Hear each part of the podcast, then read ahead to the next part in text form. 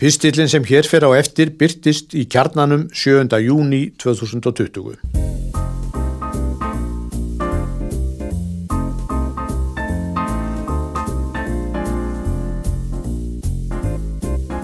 Starfsloka samningur fílana Fyrir nokkrum árum kom út bók um sögu sirkusins í Danmörku.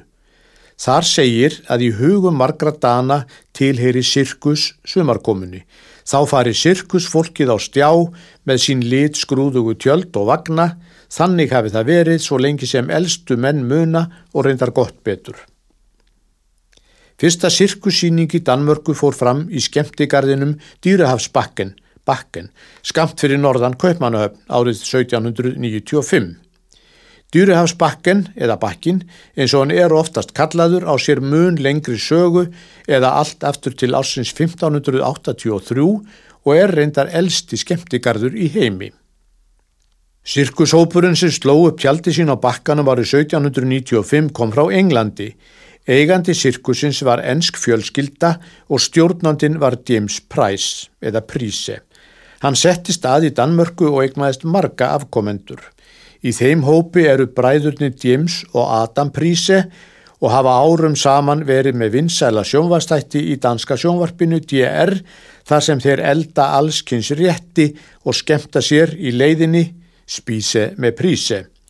Adam er þektur handritsöfundur, skrifaði meðal annars handritið að borgen og James er tónlistamadur. Hann hefur um árabil sami tónlistina og stjórna hljómsveit hinnar vinsælu sirkusrevíu á bakkanum. Sýninga prísefjölskylduna nötu strax vinsælda meðal dana sem flyktust í sirkus. Prísefjölskyldan satt ekki lengi eina þessum skemmtunum og nokkrum árum eftir fyrstu síningarnar á bakken 1795 fylgdu fleiri erlendi sirkushópar í kjölfarið, flestir frá Fraklandi og Ítalíu. Árið 1830 reys fyrsta húsið sem sérstaklega var byggt til sirkusýninga. Það hús, sem er launguhorfið, stóð á Norðurbrú og rúmaði 1800 manns. 1886 var sirkushúsið, sirkusbygningin í Kaupmannahöfn tekið í nótkun. Það rúmaði nokkur þúsund manns. Sirkushúsið skemmtist mikið í eldi árið 1914 en var endurbyggt í sama stíl og gamla húsið. Margir þekkja þetta ringlaga hús sem er skamt frá Tífóli og Ráðhústorkinu. Þekktustu sirkusflokkarnir sem höfðu aðsittur í sirkushúsinu voru Sirkus Sjúmann og Sirkus Bennevæs sem báður síndu þar um ára byll.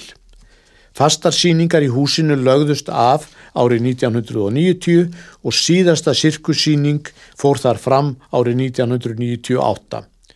Húsið sem er fríðað er nú notað til ímiskonar samkómuhalds. Eins og áður var getið var það breskur flokkur sem kynnti sirkusin fyrir dönum, skömmu fyrir aldamótin 1800. Bretin Filip Astley er talin upphafsmaður sirkusins í þeirri mynd sem við nútíma fólk þekkjum hann.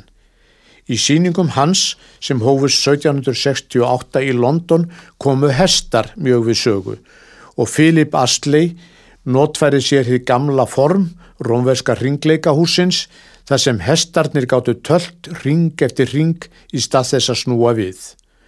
Auk hestana sáu áhörvendur, fimmleika fólk, töframenn og trúða leika listi sínar. Þessa skemtanir fengu nafni sirkus, dreyið af ringforminu.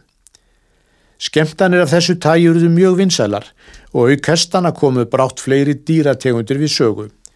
Fyrir Evrópubúa var það mikil nýlunda að sjá tíkristýr, ljón og fleiri framandi dýr leika listir sem þau hafðu verið þjálfu til að sína á sviðinu. Fílarnir nutu mikill að vinsælda og mörgum þótti ótrúlegt að sjá þessa stóru skeppnur sem fæstir höfðu áður augum litið leika ymsar kunstir. Á árónum eftir 1960 átti sér stað ákveðin viðhorsbreyting Þá fóru í auknum mæli að heyrast rattir sem áður höfðu lítið heyrst, rattir sem gaggreindu nótkun dýra sem rifin höfðu verið úr sínu náttúrulega umhverfi til að skemta mannfólkinu. Þessa rattir urðu smám saman háværari og hægt og rólega hurfu viltu dýrin úr sirkusónum. Sumstaðar bannuðu stjórnut beinlinis nótkun dýra í þessum tilgangi. Ljón og tíkristýr voru til dæmis bönnuð í Danmörku á sjöönda áratug síðustu aldar. Viðhorf almennings breytist sömu leiðis. Eigendur og stjórnendu sirkusflokkana þráuðust við, sögðu að ef engir væru fílarnir og ljónin kæmu færri í sirkusin. Kanski var það að einhverju leiti rétt en tímarnir voru líka breyttir. Sirkusgestum fækkaði og margir sirkusflokkar í Evrópu lögðu upp laupana. Upp úr síðustu aldamótum hafði fílum í dönskum sirkusum fækkað mjög eins og reynda sirkusflokkonum í landinu. Þrýstingur frá dönskum almenningi jógst og atvik sem átti sér stað í enu á söður sjálandi árið 2015 þar sem óttastleiknir fílar réðust meðal annars á bíl, vakti mikla aðtikli og fjöldi fólks mótmælti við síningartjöld Sirkus Arena, eiganda fílana. Þremur árum síðar tilkynntir Lars Lökke Rasmussen, forsætis á þeirra dana, að þingið, folketingið, hefði samþygt að framvegis yrðu dýr önnur en hefðbundin húsdýr bönnuð í sirkusum landsins. Þá getur Júmbó litli sofi vært og rótt, vitandi að hann muni ekki ferðast um landið inni lokaður í flutningagámi, saði danski forsætisáþurann í ræðustól í þinginu. Þegar Lars Lökke Rasmussen mælti þessi orði þinginu voru samtals fjórir fílar í dönskum sirkusum, engi þeirra heitir reynda Júmbó.